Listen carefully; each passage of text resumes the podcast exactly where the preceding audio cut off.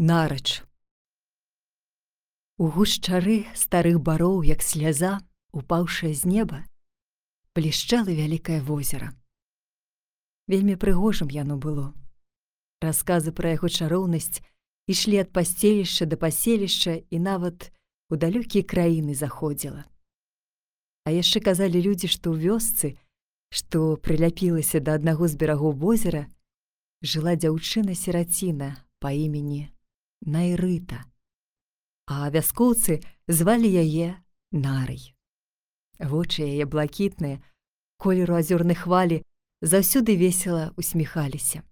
Залацістыя валасы тугой касой абкручвалі галаву. Голас у яе быў высокі і гучны. Бывала, сядзе на беразе пад разлапістым клёнам, дзе збіралася звычайна моладзь. На гусельках грае і спявае.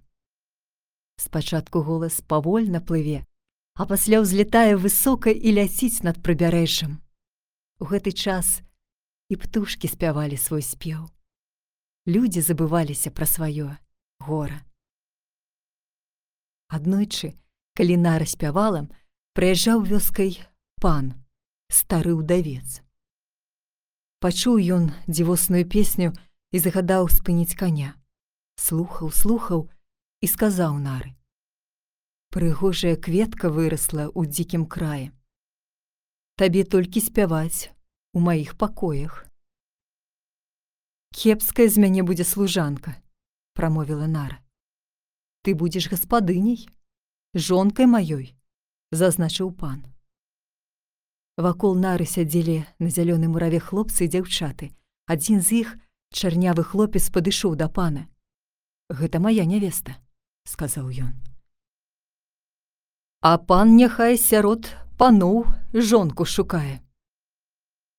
Ці не сын ты таго пятра, што бунтаваў мне народ, успомніў пан чырванейшы ад злосці і залімантаваў узяць яго. Прыслужнікі звязалі Андрэйку і павезлі ў маёнтак. Больш яго ніхто не бачыў. Праз некаторы час пасля гэтага здарэння пан зноў прыехаў да нары даведацца, ці згодна яна да шлюбу. Дзяўчына зрабіла выгляд, што згадзілася. Тут жа дамовіліся пра вяселле. Надышоў гэты дзень. Злосны вецер гнаў цёмныя хмары, а лес спяваў жалобныя песні. Нара ехала на фурманцы ў маёнтак, у рыках трымала пакунак. Сустрэлі яе служанкі, завялі ў панскія пакоі і апранулі ў шлюбнае адзенне. І нара выйшла такой прыгажуней, што не пяром апісаць не ў казцы расказаць. Пакланілася яна пану, ды папрасілася перад шлюбам крышку адной пабыць у пакоях. Пан згадзіўся. Ходзіць ён па дварэ, на служанак пакрыквае і на дзверы паглядае. А нара тым часам спакунка дастала смалякі ды падпаліла пакоя адзін за другім. І калі шугануў чорны дым з вакон, а па даху заскакалі чырвоныя языкі полымя, выскачыла праз вакно і на сваёй фурманцы, падганяючы каня, паехала ў вёску. Прыйшла на тое месца, дзе з Андрэйкам часта сустракала ўсход сонца, прыхілілася да клёна і горка заплакала.